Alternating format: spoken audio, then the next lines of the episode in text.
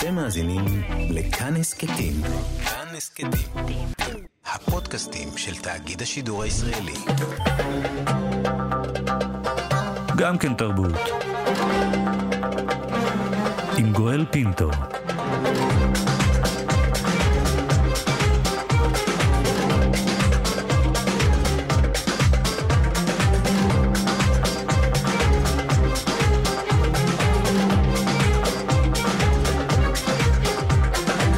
שלום, תודה שבחרתם להאזין לנו. הסכת אה, גם כן תרבות, המיטב מתוך התוכנית היומית שלנו, המשודרת בכל יום ברדיו כאן תרבות, 104.9, 105.3 FM. תהנו.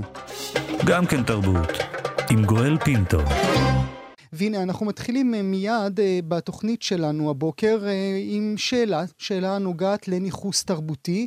נשאל האם בכלל יכול להיות כזה בין שני עמים קרובים ששואבים מאותם המקורות. אבל עוד לפני כן, אנא, האזינו. הנה, הסיב, הנה הסיבה לשיחה שלנו, קוקוריקו, שיתוף הפעולה החדש בין שני הזמרים המצליחים בישראל, עדן בן זקן ועומר אדם.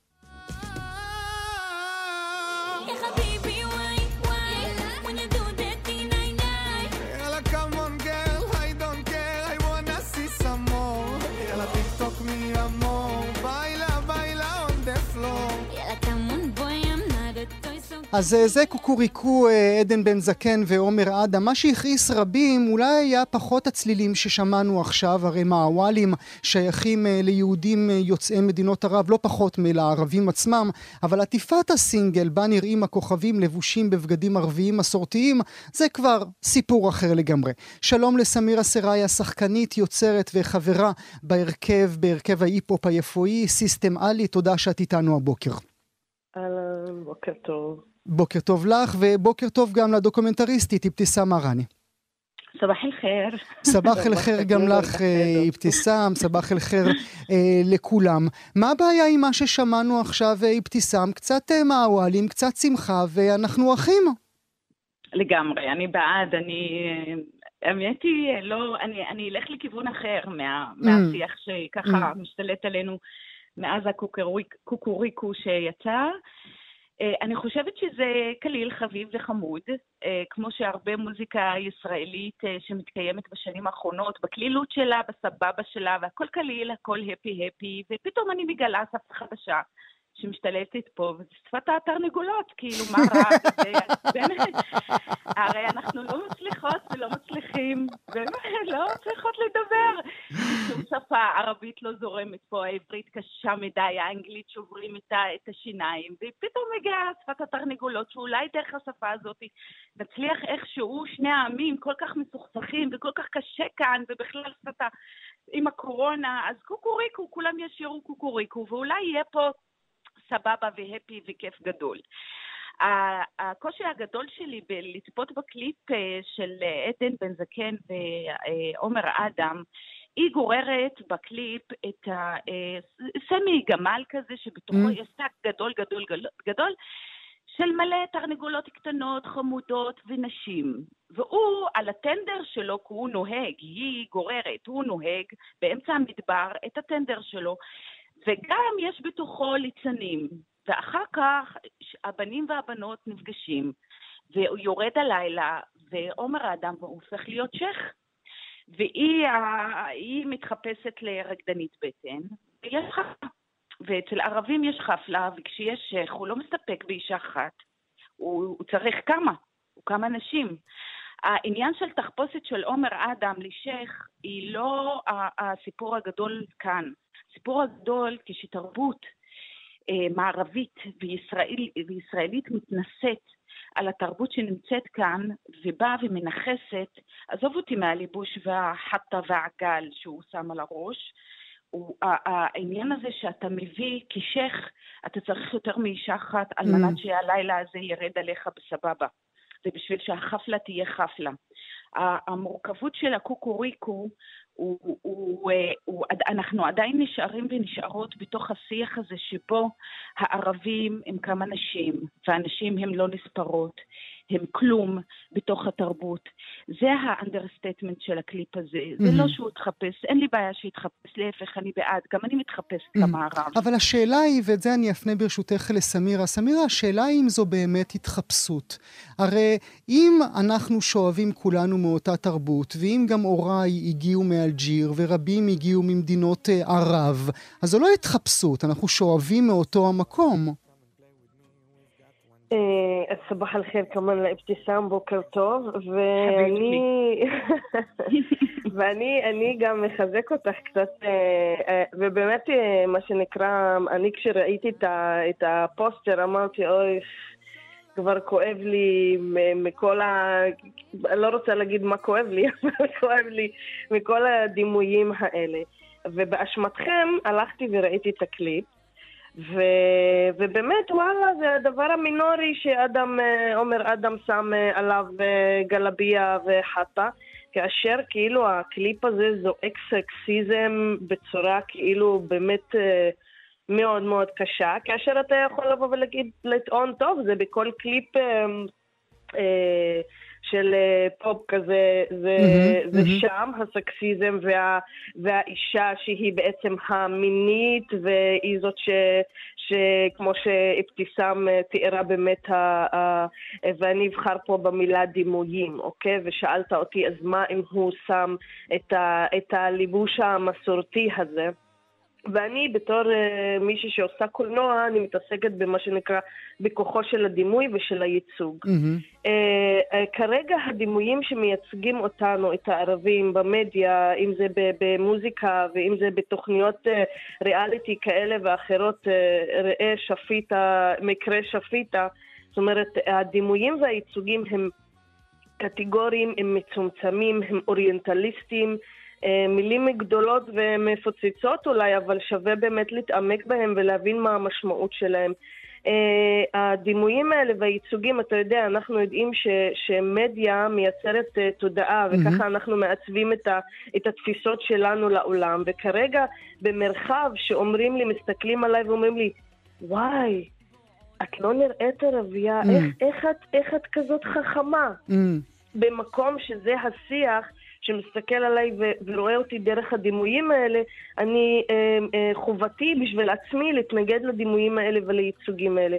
כי נשים ערביות הן לא נשים שמדברות במבטא כזה והן אה, עילגות, לא. אה, אה, נשים ערביות אה, נמצאות אה, בכל המקומות, וכשאנחנו מגיעים למרחב ה, של המדיה, של, ה, של הקולנוע, אנחנו הופכות להיות מאוד מאוד מצומצמות, או נשים כנועות, מדוכאות עם mm-hmm. כיסוי ראש ו... או, או, מין, או מנקות, או מתפוצצות. תבחר mm-hmm. מה הסדר, אה, מה... כרגע מה שאני זוכרת בשנים האחרונות, מה הייצוגים של ערבים, זה פאודה, ושאלוהים תשמור אותי ו... ואת חברותיי ושאר בנות אז אה, דודותיי. אז בואו נשמע ביחד עכשיו כמה צלילים משפיטה. הזכרת את שפיטה, בואו נשמע אותה.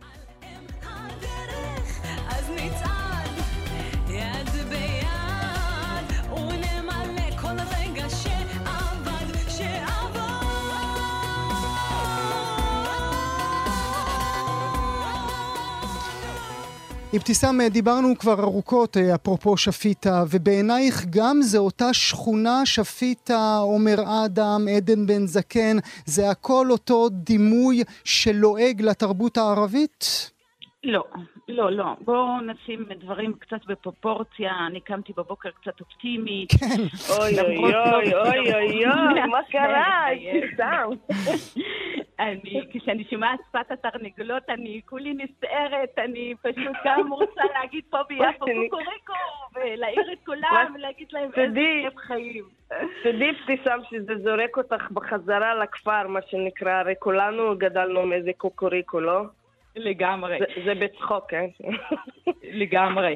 אה, אני חושבת שקורה מהפכה מאוד גדולה בתוך החברה הישראלית-פלסטינית ערבית פה בישראל, שיש לנו את החברים שלי ואת האנשים ואת החברה המזרחית, היהודים המזרחים שהגיעו ממדינות האסלאם. ובשנים האחרונות נשאלות שאלות עמוקות מאוד מי אנחנו כאן ומה הזהות שלנו, והאם ישראל זה הזהות הישראלית שלנו, או שאנחנו אולי כדאי לנו להסתכל אחורה ולהבין מאיזה תרבות הגענו, ומה זה השפה ששמענו בבית, איזה מוזיקה ואיזה אוכל ואיזה תרבות ואיזה שפה ואיזה הורים ואיזה משפחות, איזה, איזה אה, אה, אה, עושר תרבותי באנו מאלג'יר ומתוניס ומערב ומצרים ו... ובאנו לכאן, באנו לכאן עם איזה חבילה ששמנו אותה על הגבולות לפני שנכנסנו למדינת ישראל, ובעצם אה, אה, אה, שמנו את התרבות שלנו בתוך המזוודה, והתביישנו כל כך הרבה שנים, 50, 60, 70 שנה התביישנו בתרבות הערבית שבאנו ממנה, כי היא לא, לא, לא, היא לא הייתה פה, אין, לא היה לה לגיטימציה. ומתקיים שיח לאחרונה, ובעשר שנים, עשרים שנה האחרונה, על, על המקום הזה של המזרחי ב- בישראל ועל המקום שלו. ואני חושבת שיש פה אה, בעצם סוג של איזה תהליך של אה, לשחרר את הבושה. לצאת. מהמקום mm. שמתבייש. ואני חושבת שהתהליך שעומר אדם וגם עדן בן זקן ושפיטה והרבה חברים אחרים שחלקם לא, לא, לא באמת רוצים להוציא את הערביות שלהם החוצה, mm-hmm. תוך מקום של בושה. אני בעדם, אני בעד, למרות הקוקורוקו, ושזה כזה, באמת, עם כל הביקורת שלי על הסקסיזם של הקליפ הזה, אני אומרת שיש פה תהליך מאוד מעניין שקורה, צריך סבלנות, זה נחמד לכתוש אותם על ימין ועל שמאל, אבל אני דווקא מעניין. מעניין. מתכוננת וחושבת שזה תהליך מאוד יפה שהולך... Mm-hmm. ואני מאוד מקווה שהסופו של התהליך הזה באמת יביא להכרה בתרבות הערבית, בתרבות האסלאם ומהמדינות שה, שהחברה היהודית המזרחית הגיעו לכאן על מנת באמת לקיים תרבות ש, שיש לה מקום, mm-hmm. אפשר, אפשר ל, ל, ל, לדחוק אותה ולהתבייש בה. אנחנו שומעים... אבתיסאם כפרה עלייך, אני הלוואי הייתי מאחלת באמת לעצמי ולכולנו, מה שנקרא כשאני אומרת עם ישראל, לא משנה באיזה שפת, אה, שפת אם הם מדברים. הלוואי ובאמת שה, שהיצירות האלה, אני, אני בספק. כי את יודעת, אני, נגיד, תראי, מישהו אמר משהו על דודו טסה, על אף שהוא, אני לא יודעת אם, אם הוא מדבר ערבית או לא, מישהו אמר משהו על דודו טסה, על עופר לוי, על, על, על, על זהבה בן, עופר לוי, אפילו ש... שעתיק לחנים אה, אה, ממש ושר אותם בעברית, וכשהוא שר סוואח, ומי לא? אף אחד לא בא וטען את הדבר הזה אה, כנגדם, וואלה, אתה... להפך, נהפוך הוא. כשאתה בא ואתה מציג אומנות ערבית, כשאתה בן אדם שהוא אה, אה, מקובל, אז אני מאושרת מזה. אה, אבל לבוא ולהגיד לדוגמה המילה מעוואלים, לא, לא כל וואו באלף, לא כל אלף בערבית היא עין, זה לא מעוואלים, אוקיי? וזה לא חביבי. אוקיי? וזה לא... קודם כל מוואלים זה סגנון שכדאי באמת להכיר אותו, כי מה שהם שרים זה לא מוואלים. אני להפך, אני, אני מרוגשת מהתרבות הערבית ומרוגשת מכל מישהו שמביא את זה. כשדיקלה עושה עיבוד כזה או כזה, אני, כיף לי לשבת שם וליהנות. כשדודו טסה מופיע בברלין, מי שרוקד שם זה הערבים העיראקים, הפליטים. זה לא המקרה של שפיטה. כי עם כל הכבוד ששפיטה שרה כל א' בתור עין, זה הלעגה. כי בערבית יש גם עין ויש גם א' ויש גם ה' וגם י'. זה לא המקרה. זה לא אני... המקרה, ועוד פעם, כשאומרים לי, וואי, את לא נשמעת ערבייה, כי הם מצפים שאני אדבר ככה ובככה, כן? כי כן. החטא, כל חטא בערבית היא חטא, את מבינה? זה מרגיש. אני לגמרי, אני לגמרי אני מבינה. אני הלוואי, הלוואי ובאמת הם תובעים את המקוריות. עכשיו, שתבואי ותגידי למישהו שהוא... אה, ערבי אה, יהודי זה קללה בשבילם, הלוואי ובאמת אנחנו מדברים על אנשים שהם מבינים את הערביות שלהם וכשעומד שם אלמוג בהר ואומר אנא מן אל-יהוד זה מישהו דווקא שתובע את הערביות שלו. אני אכן יהודי אבל הערביות שלי אה, ערביית היא חרסה. כשהוא אומר הערבית שלי אילמת הוא בא ולתבוע אותו. אבל זה לא המקרה זה לא המקרה, הלוואי באמת. שפיטה... חבל שהם לא פה. מילה כן, לסיום, אבתיסאם.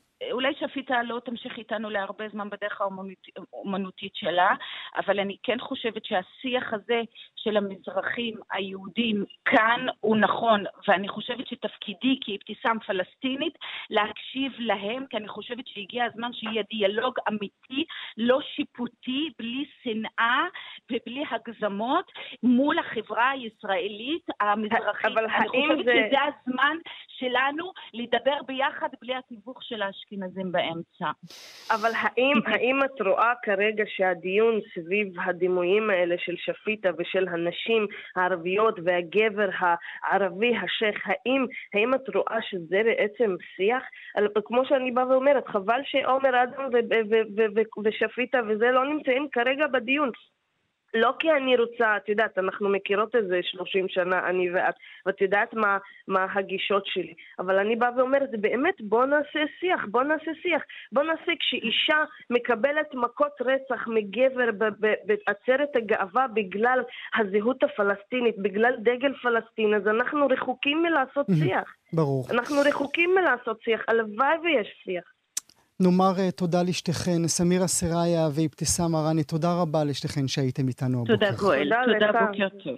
אל הנושא הבא שלנו עם הידיעה על מותו של גדול המלחינים לקולנוע אניו מוריקוני, עליה דיווחנו אתמול בתוכניתנו. החלטנו הבוקר לצלול אל תוך עבודתם של המלחינים לקולנוע, אלה שבצליל אחד מצליחים לצרוב לנו סצנה שלמה לזיכרון. שלום ליונתן בר גיורא, מלחין, מרצה בכיר בבית הספר לאומנויות הקול והמסך, מכללת ספיר. תודה שאתה איתנו הבוקר. תודה שהזמנתם. וואי, איזה קול יפה יש לך. אמ, מה הופך מלחין למלחין לקולנוע? מה X ה factor שצריך שיהיה לו? אה, יכולת להקשיב לאחרים ולהשתלב בסיפורים של אחרים ולא להיות מרוכז רק בעולם הדמיון שלך, אלא לדעת לחבר את הדמיון שלך לדמיון של אנשים אחרים, זאת התכונה העיקרית. למה מפתיע אותי מה שאתה אומר לי עכשיו? כי בכל הראיונות שקראתי אה, אה, כהספדים אה, על מותו, הם דיברו על כך ש... כל הצוות היה צריך דווקא להתכופף אל המוזיקה שלו, כי הם הבינו שזה, שהוא יביא את הרגע, הוא ייתן את, ה, את הצריבה הגדולה אצל, ה, אצל הצופים. זה, זה נכון, אבל זה אחרי שהוא יצר את השפה עם סרג'יו ליונה, למשל, בהתחלה, אנחנו מדברים על, ה, אה, על מוריקוני כמובן, mm-hmm, וה, mm-hmm. והיכולת הנפלאה שלו לדמיון העשיר שלו. סרג'יו ליונה נורא אהב את זה, הוא ביקש ממנו להיות ככה, הוא שחרר לו את, ה, את הרצועה ונתן לו להשתולל, וזה יצר, יצר דברים נפלאים, אבל זה הכל תוך שיתוף פעולה, זה לא מנותק מהסרט, סרג'יו ליונה פשוט יצר את הסרט יחד איתו, זה היה כמעט כמו אופרה, אתה יודע שהמוזיקה וה, והעלילה הם, הם כוחות, מה שנקרא, mm-hmm, אחד mm-hmm. אחד מול השני. Mm-hmm. אז, אה, אבל זה תמיד תוך הקשבה ותמיד תוך אה, אה, התייחסות לדבר אחר. אתה לא יכול לשבת במנותק. זה נכון שמוריקונה מאוד מאוד יוצא דופן במובן הזה שהוא מאוד מאוד אה, אה, שומעים אותו מאוד חזק. זאת אומרת, אתה לא יכול לצאת מסרט... הוא דמות כמעט, כן, אולי יותר מדמות, כן. כן. אה, דמות מאוד, מאוד צבעונית. מוזיקה היא תמיד, לדעתי, היא תמיד דמות בסרט, אבל, אבל זו דמות מאוד מאוד מאוד צבעונית ודורשת תשומת לב mm-hmm. נפלאה, וזה לקח אגב המון שנים עד שאנשים העריכו את זה, בהתחלה זה נחשב מוזר וחצוף. ולמרות ההצלחה הוא לא קיבל הכרה רצינית בהתחלה. כן, אנחנו, אה, אנחנו עוד רגע נדבר על מלחינים נוספים שהשאירו את החותם שלהם בצורה מאוד ברורה, אבל עוד קודם ברשותך במובן אישי, אתה גם, אתה עצמך כתבת מוסיקה מקורית לסרטי קולנוע, הכוכבים של שלומי וההסדר וסיפור קיץ ורבים וטובים. איך זה עובד? אתה מגיע אחרי שהעורך סיים את העבודה שלו?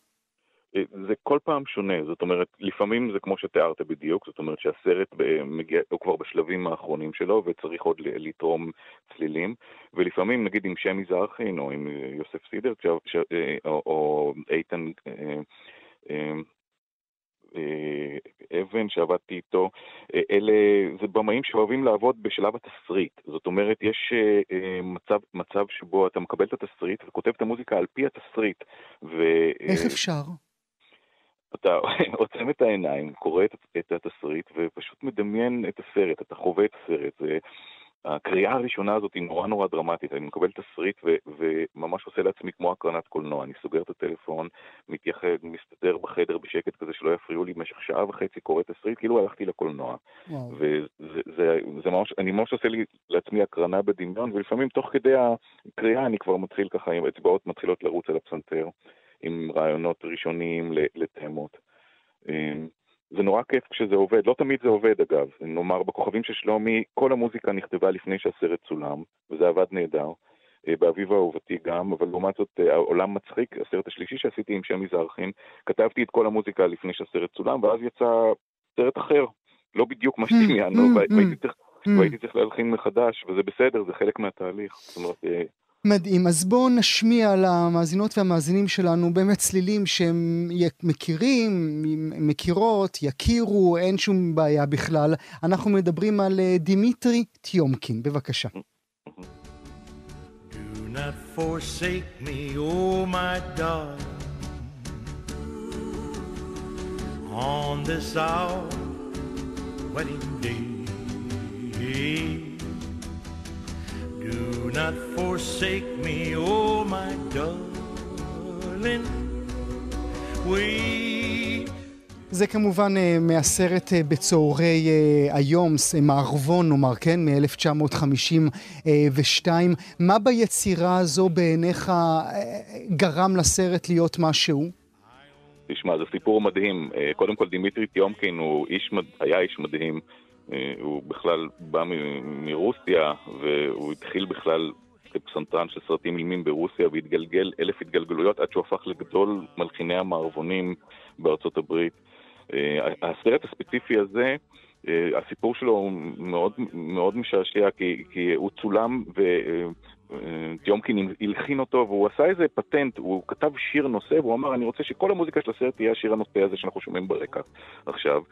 והסרט, אה, השלימו אותו, הוא, הוא נארז, ובארצות הברית, אתה יודע, לפני שהם משקיעים עוד מיליוני דולרים בהפצה, אז עושים test uh, screening, mm-hmm, mm-hmm. uh, וב test screening האלה, בהקרנות מבחן, הסרט נכשל כישלון חרוץ, אנשים שנאו את הסרט, והמפיקים היו מיואשים לגמרי, וזרקו את הסרט לפח, פשוט גנזו את הסרט.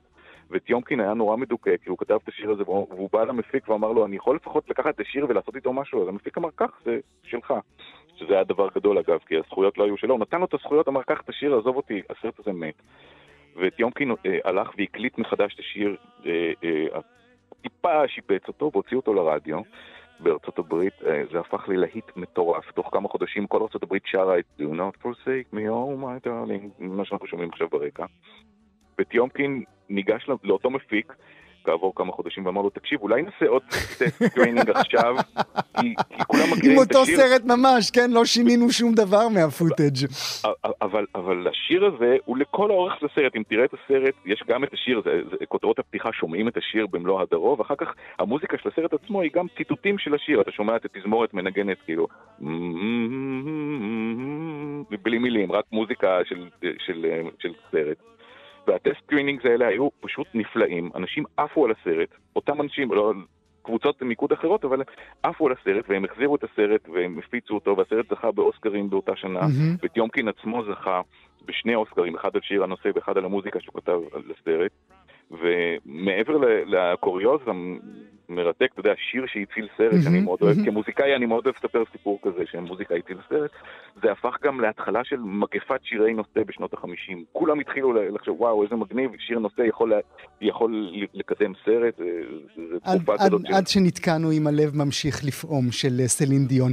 בוא נעבור לעוד, בוא נעבור למישהו, נעבור למישהו אה, נוסף. באמת, כן. הוא עבד עם, הוא עבד עם, אה, מה נאמר, בעיקר ריצ'קוק, כן? אה, מה שהוא עשה בוורטיגו ובפסיכו, זה דברים שלומדים אותם אה, בבתי כן. ספר, אבל אני רוצה שנשמע, אני מדבר על ברנרד הרמן, אני רוצה שנשמע משהו שטרנטינו עשה איתו בקילביל. בבקשה.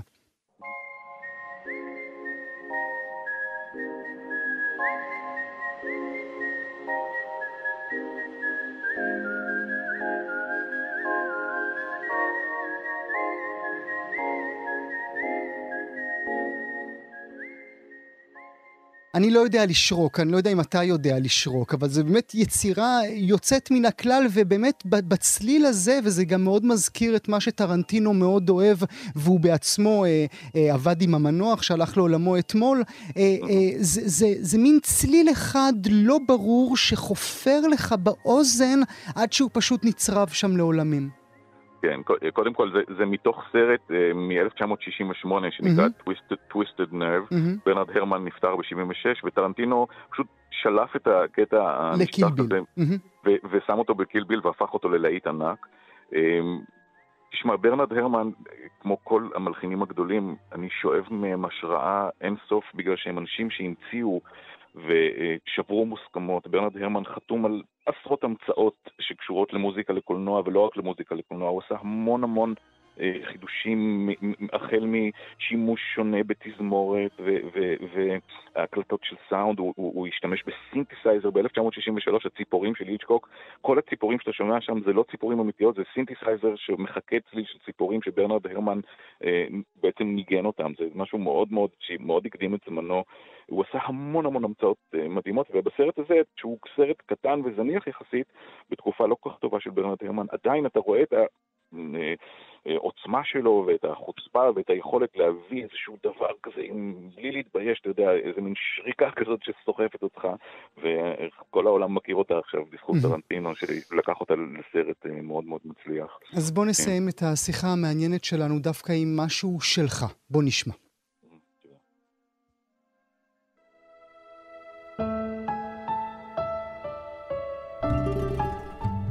היום, כשילד הוא ילד, קוראים לו יוסי. כשהוא גדל ונהיה בן אדם יותר מבוגר, קוראים אותו יוסף, או יוסף.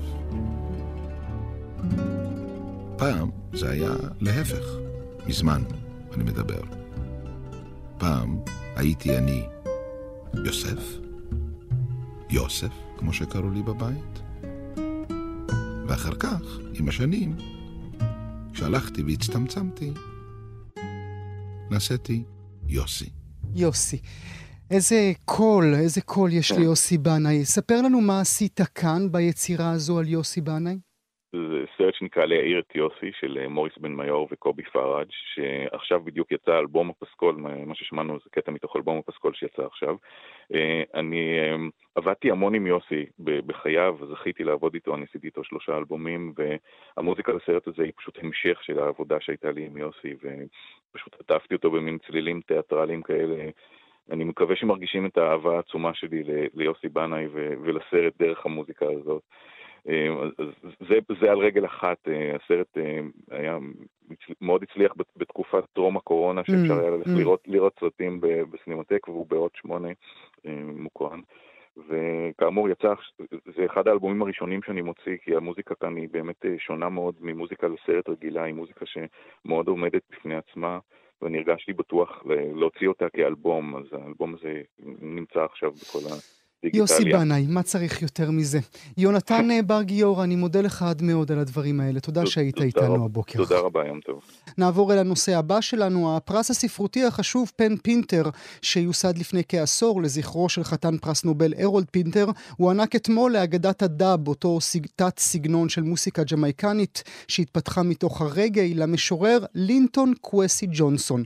פרסים אה, מזינים את האגו של כל יוצר, הוא אמר אתמול עם ההודעה על על אה, זכייתו. משמח במיוחד, הוא הוסיף, לקבל פרס שמכבד את זכרו של פינטר, שהיה הוגה דעות חופשי ואנטי-אימפריאליסט. נדבר במשורר החשוב הזה, נדבר גם בסגנון.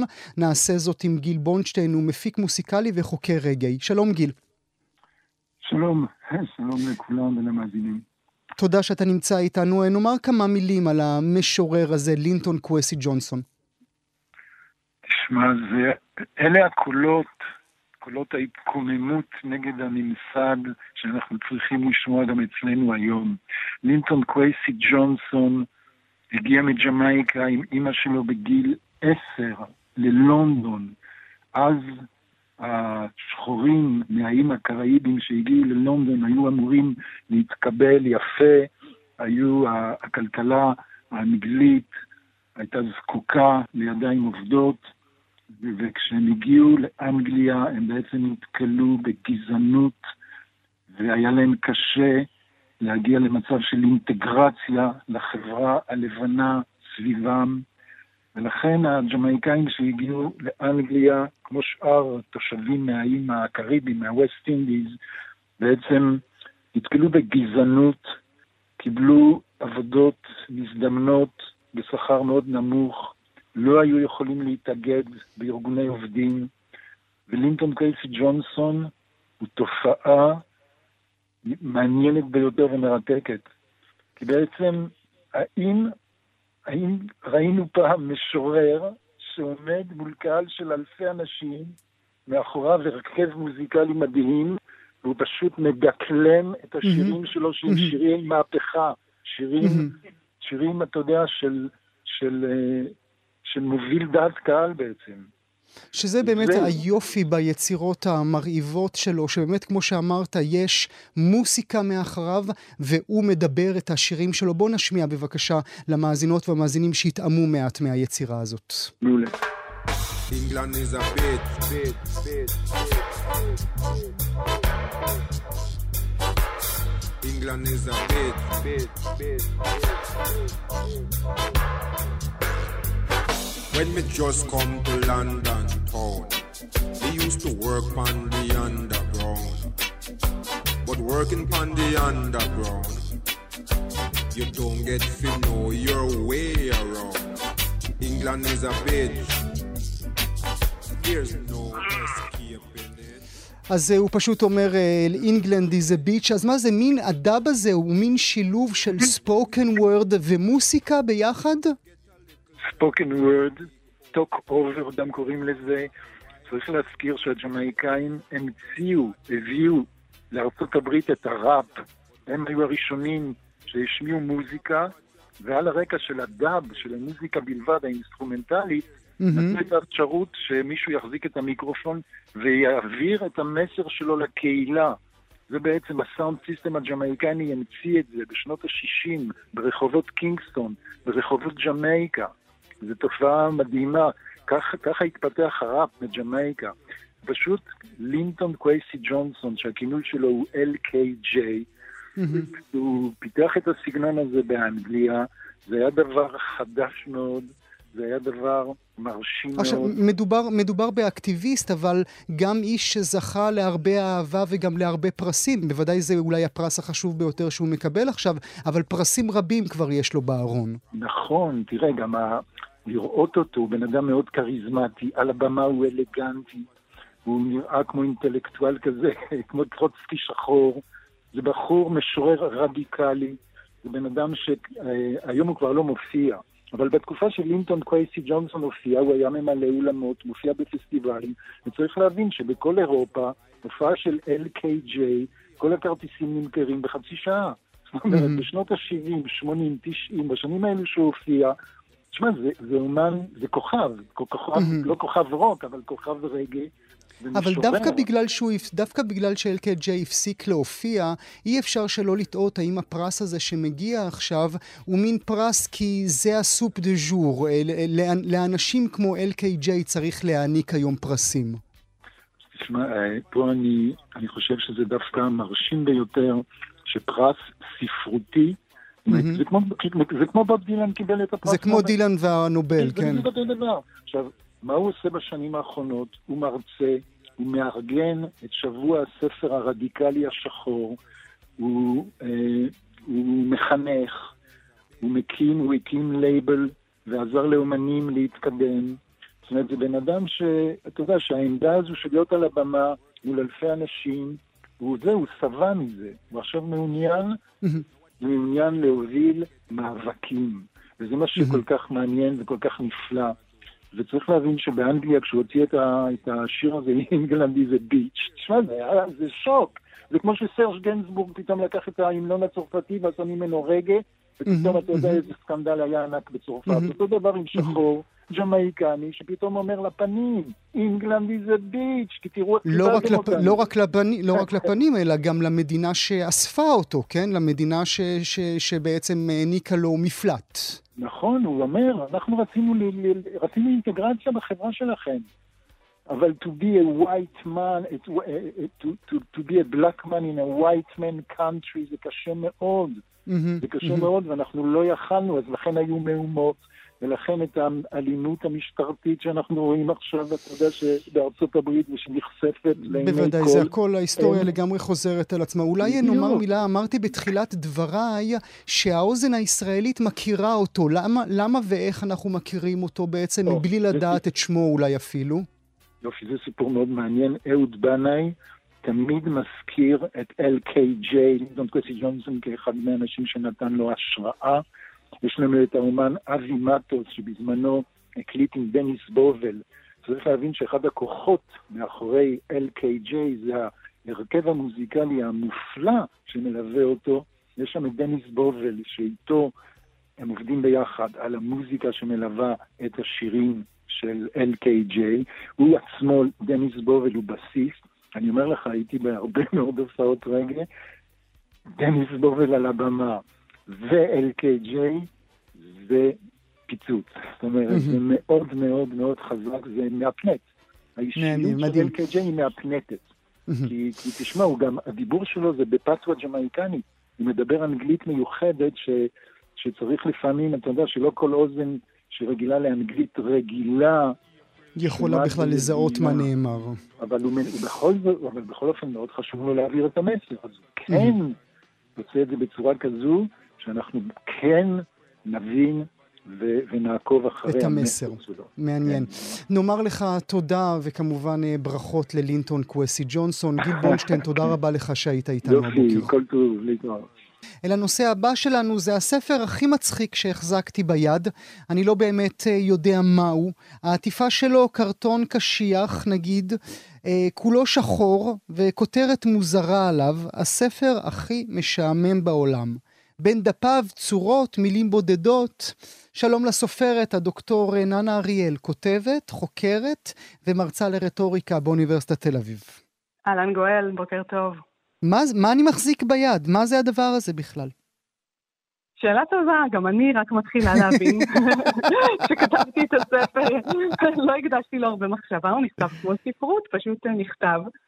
אבל אני מניחה שעכשיו, בדיעבד אני יכולה להגיד שהספר הכי משעמם בעולם, שאני גאה להיות המחברת שלו של הספר הכי משעמם בעולם, אמ, מזמין את הקוראים שלו, שהם יכולים להיות ילדים, אבל הם יכולים mm-hmm. להיות גם מבוגרים, mm-hmm. לצלול לעולם של שעמום ולבדוק מה יכול לקרות שם. שעמום הוא רגש עם, עם יחסי ציבור גרועים, כמו mm-hmm, שאנחנו יודעים, mm-hmm. אבל אני חושבת שלא בצדק, הוא רגש יותר מעניין ממה שאנחנו חושבים. והספר הזה מנסה להיכנס אליו. אני מתחבר למה שאת אומרת, כי מצאתי עצמי במהלך השבוע האחרון בוהה בו. ואני לא רגיל לבהות ב- בספרים. כי צריך להסביר למאזינות והמאזינים, יש הרבה עמודים. יש עמודים ריקים, יש עמוד שכתוב בו רק את המילים כמה זמן אפשר לבהות בעמוד ריק, יש אה, עמוד שיש בו עיגול או עיגולים, ובעצם אתה נכנס למין איזשהו טראנס תוך כדי קריאה, טראנס שאתה עצמך לא מבין אותו אפילו. וואי, זה מעניין מה שאתה אומר. זה באמת ספר עם מעט מילים ובלי איורים ועם צורות פשוטות ומופשטות, ואין בו עלילה ואין בו דמויות שאפשר להזדהות איתן, אבל אולי בעקבות מה שאתה אומר, זה נכון שיש בו דרמה מסוימת בכל זאת, והיא הדרמה של הקריאה. כי אפשר להגיד שיש בו איזו חידה שהיא חידה משונה והיא חידה מצחיקה, אני מקווה, mm. והיא מה עושים עם ספר משעמם ואיך קוראים בו, איך מתמודדים עם עמוד ריק. או מה עושים כשפתאום הספר עצמו מפהק ונרדם, יש mm-hmm, קטע כזה mm-hmm. בספר. אז למרות שזה הספר הכי משעמם בעולם, כשהבת שלי קראה אותו, היא אמרה לי שהוא מותח, שזה mm. הצחיק אותי נורא, mm. כי זה הדבר האחרון שאפשר להגיד על ספר משעמם. אבל שוב, השעמום הוא מעניין יותר ממה שאנחנו חושבים. מה שבטוח זה אה, מזעתותים שגם אני העברתי את הספר דרכם, הם, אה, הם, הם נדהמו ממנו, כמובן אה, התגלגלו מצחוק מהכותרת, כן? הכותרת קראה אותם מצחוק, ואחר כך הייתה, מין, הייתה איזה מין רגיעה כזאת של מעבר בין עמודים וניסיון להבין מה קורה בהם. אז תוך כדי השיחה איתך בעצם, נאנה, אני מבין שאת עצמך לא ידעת מה את עושה? לא, אני ממש לא ידעתי מה אני עושה. אני מניחה שהספר הזה נכתב כשאני עצמי השתעממתי ממשהו אחר שהייתי אמורה לעשות ודעתי הוסחה. ואני מודה שהרבה פעמים זה קורה לי, דעתי מוסחת ממשהו, וזה מוביל ליצירה של משהו אחר, ומפתיע שבכלל לא תכננתי, דווקא בגלל השעמום. אבל הרבה פעמים זה מה שקורה לנו בשעמום. אני לא יודעת אם, אם המאזינים אה, אה, שמו, שמו לב לזה, אבל אפשר להתחיל לחשוב על זה. כשאנחנו משתעממים, לפעמים התודעה נודדת ומאפשרת לנו אה, לייצר דברים mm-hmm. מפתיעים mm-hmm. ובלתי צבועים. תשתעממו יותר, זה באמת דבר אה, מצוין. סופרים, פילוסופים, כתבו על שעמום? כן, כתבו המון, המון המון. כמעט כל פילוסוף במאה ה-20 נגע בשעמום, גם אם לא תמיד הזכירו את השם הזה, המון סופרים כתבו על שעמום. כי אני חושבת שהבינו שיש פה איזה רגע נפשי מאוד מעניין. כי מצד אחד, שעמום הוא רגע שנורא לא נעים, בוא, כן? זה, זה, שעמום זה חוסר. זה רגע שמוגדר דרך היעדר של משהו. אולי קצת כמו געגוע, כשאני חושבת על זה. זה היעדר של עניין, מין אדישות. וזה כנראה משהו שהוא בלתי נסבל לנפש האנושית. פשוט שערורייה נפשית. בגלל שאנחנו נעשה הכל, אני חושבת, כדי למלא את החוסר הזה. וזה לא בעיה, הרי יש לנו היום אפשרויות בלתי מוגבלות למלא את החוסר בהושטת יד, בלחיצת כפתור, אנחנו הרי בעידן של גירויים אינסופיים. אבל השעמום, וזה מה שהרבה הוגים וסופרים שמו לב, אם אנחנו שוהים בו במקום לרוץ למלא אותו mm-hmm. ולנסות לבטל mm-hmm. אותו, יכולים mm-hmm. להתגלות דרכו דברים מעניינים. למשל, מתגלה לנו מה הנפש שלנו דוחה ואיפה היא לא רוצה להיות. וגם האפשרות של התודעה לנדוד בשעמום יכולה באמת לרקום דברים בלתי צפויים. אולי זה רלוונטי במיוחד היום בקורונה, כשכולנו, mm-hmm. במיוחד ילדים, מתמודדים כל כך הרבה עם שעמום. Mm-hmm. נדבר על ילדים באמת. זה ספר שמיועד עבורם? או שגם את זה לא הגדרת עם עצמך? אני כן כתבתי את הספר הזה קודם כל לילדים, אה, אבל אה, הקהל שלו הוא יכול להיות גם קהל של מבוגרים. מבוגרים שקוראים עם ילדים, או פשוט מבוגרים. אני חושבת שהרגש של השעמום רלוונטי. רלוונטי גם לילדים וגם למבוגרים, אבל... כן, אבל זה בוא... קצת תפסת מרובה לא תפסת. זאת אומרת, אני כן. חושב, אני חושב שהחוויית הביחדנס של המבוגר אה, והילד אה, והילדה, שממלאים את החוסר בתוכן, הוא, הוא, הוא, הוא רגע שכמעט ולא קיים בעולם הספרות. מעניין, לא חשבתי על זה כך, ואני באמת מתחילה לקבל תגובות של אה, קוראים, ולהבין בעצמי מי הם הקוראים, מי, מי, מי קורא את הספר הזה ומה הוא יוצק לתוכו. כי זה ספר שיש פה בעיקר, אה, בעיקר אה, היעדר בעצמו, זאת אומרת, יש בו מעט מאוד. Mm-hmm. יש, בו, יש בו מעט, והקורא נדרש להיות מאוד מאוד אקטיבי בקריאה שלו. שזה, שזה מעשה חתרני, צריך לומר. אה, מעשה חתרני לכתוב ספר שאתה לא יודע אה, מה הוא אומר, לכתוב ספר שאתה לא יודע למי הוא מיועד, לכתוב ספר שאתה אומר, אני רוצה שהוא ידבר על שעמום בעולם שבו אנשים לא מוכרים ספרים, וכל ספר חייב להיכנס לתוך איזושהי משבצת, והספר הזה פשוט לא נכנס לאף משבצת. אמ, תראה, זה נכון שבאמת אה, המחשבה על פילוח ועל מי בדיוק קהל היעד נורא מגבילה ספרים. Mm-hmm. זאת אומרת, אנחנו מראש אה, סופרים נדרשים להגביל את עצמם לז'אנרים מסוימים ולסגנונות מסוימים בגלל ההתאמה לקהלים מסוימים. מצד שני, אני לא בטוחה שהספר כל כך חתרני. אני חושבת שסך הכל הוא ספר מאוד פשוט. ושהמחשבה אולי שהוא יוצא דופן היא מחשבה של מבוגרים. Mm. אני חושבת שילדים, כשהם ניגשים לספר ילדים, הם לא, לא כל כך אה, חוששים או, או שופטים אותו לפי איזה אמות מידה, הם, הם פשוט ניגשים וצוללים לתוכו וחשים אותו, גם פיזית, זה mm-hmm. משהו שהיה לי מאוד חשוב אז זהו, אז נדבר הזה. על הפיזיות, זה באמת משהו שהדהים אותי. Um, אני קראתי לזה קרטון, אולי טעיתי, כן, הקרטוניות שלו, התחושה הזו של מה שאתה מחזיק ביד, זה תוכנן אצלך? כן, אז זה משהו שהיה לי מאוד חשוב, שהספר הזה יהיה מישושי, טקטילי, שיהיה, שיהיה לו משמעות כאובייקט בעולם. ספר זה אובייקט בעולם, יש אומנם ספרים מקוונים, אבל ספר מודפס הוא, הוא אובייקט, ואני חושבת שה... הרעיון שספר מודפס הוא מין ישות רוחנית כזאת שמנותקת מהמעמד שלה בתור אובייקט היא אשליה. יש לו משמעות בעולם, אתה יודע, הוא ממש מילולית תופס מקום ספר. ולכן המחשבה עליו כאובייקט היא בעיניי מתבקשת, וזה מתחזק כשחושבים על ילדים, כי הדבר הראשון שילדים עושים כשהם לוקחים ספר זה חשים אותו. אז הכריכה פה היא כריכה קשה שיש בה שיקוע של האותיות. אמנם הספר מאוד מאוד דל, הוא אה, לא צבעוני ולא ססגוני, אבל יש בו אה, הרבה... החושים מופעלים בו בדרכים mm-hmm, אחרות. Mm-hmm. יש בו חורים שאפשר להציץ דרכם ואולי להגיע או להתקרב לאיזו חידה. יש אותיות גדולות מדי וקטנות מדי שקשה לקרוא אותן. בעמודים מסוימים המבט צריך לנוע לקצוות של הדף כדי uh, uh, לגלות משהו. ואני ככה, אתם שומעים אותי מדפדף, כי אני רוצה לעשות לכם ספוילר. כי הגרנד פינל של הספר זה באמת יופי של דבר, ואפילו רק על זה צריך לומר ברכות. כי אחרי ששמענו על הספר המשעמם ביותר בעולם, ומשעמם, ועוד עמוד, ועוד עמוד, ועוד עמוד, שואלת אותנו המחברת בעמוד האחרון, אם הוא כל כך משעמם, למה קראת אותו עד כאן? ברכות על הספר הפסיכי הזה. אה, אני מודה לך מאוד, אה, גם עליו וגם תודה שהיית איתנו הבוקר. תודה רבה, גואל.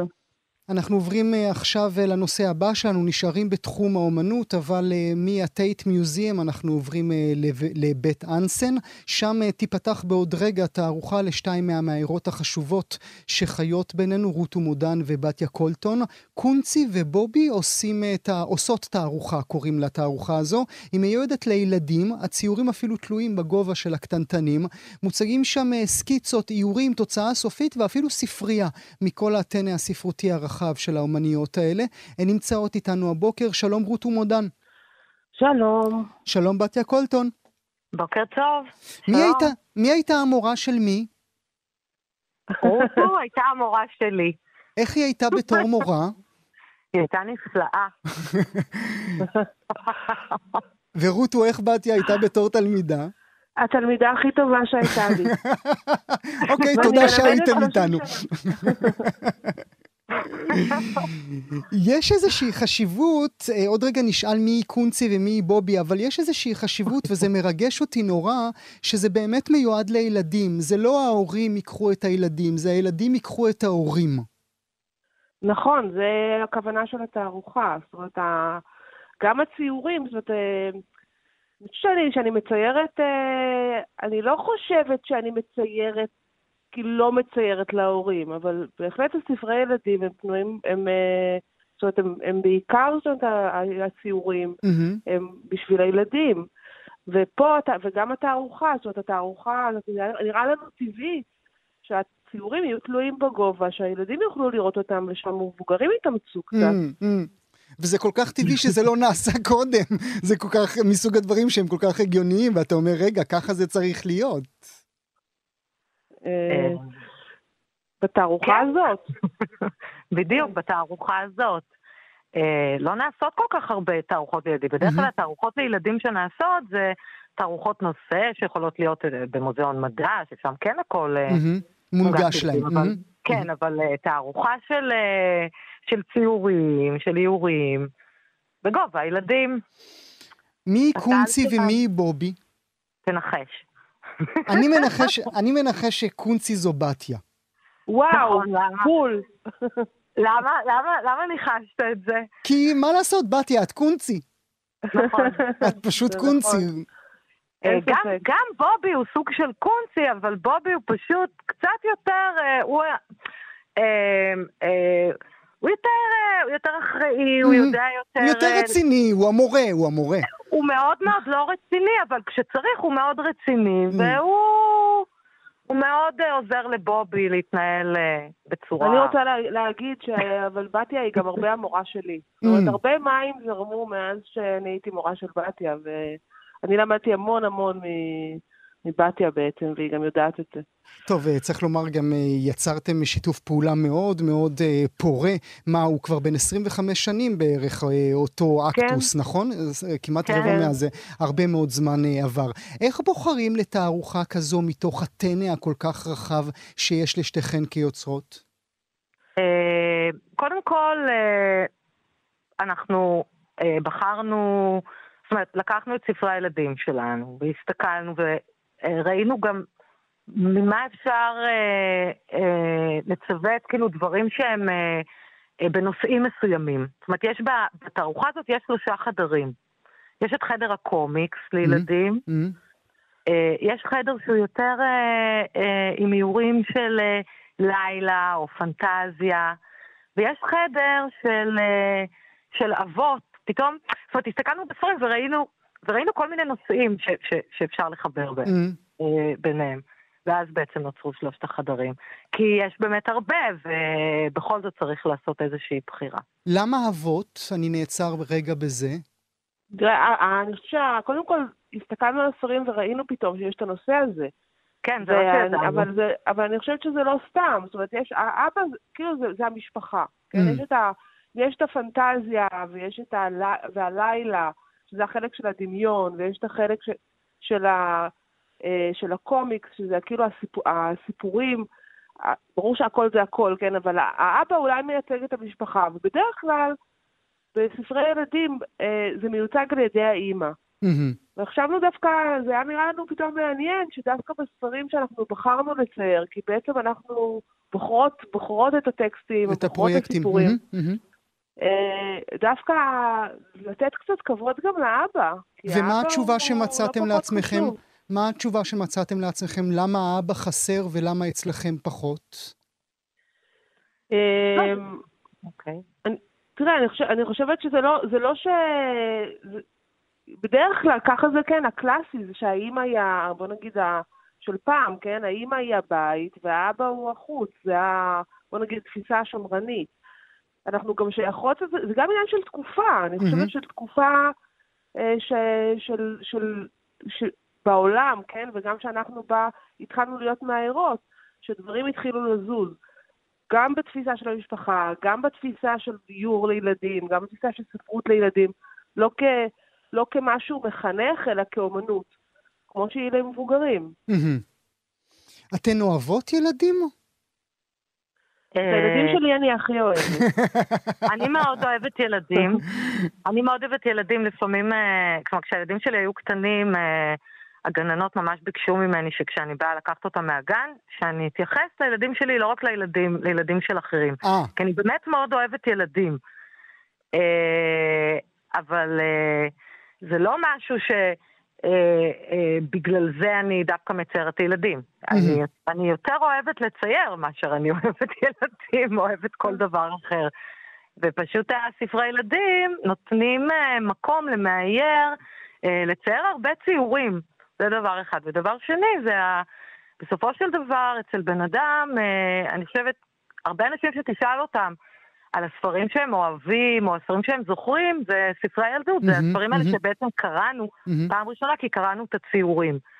אז אה, זה משהו שהוא אה, מאוד מאוד, אה, אה, לי לפחות, זה משהו נורא משמעותי ומרכזי בתוך החיים שלי, ואני גם רוצה שזה יהיו, הספ... יהיו הדברים שהילדים יקראו פעם ראשונה, מה שאני אצייר. זאת אומרת, זה חשוב לי, יש לזה מקום מאוד מאוד גדול בתוך החיים שלי.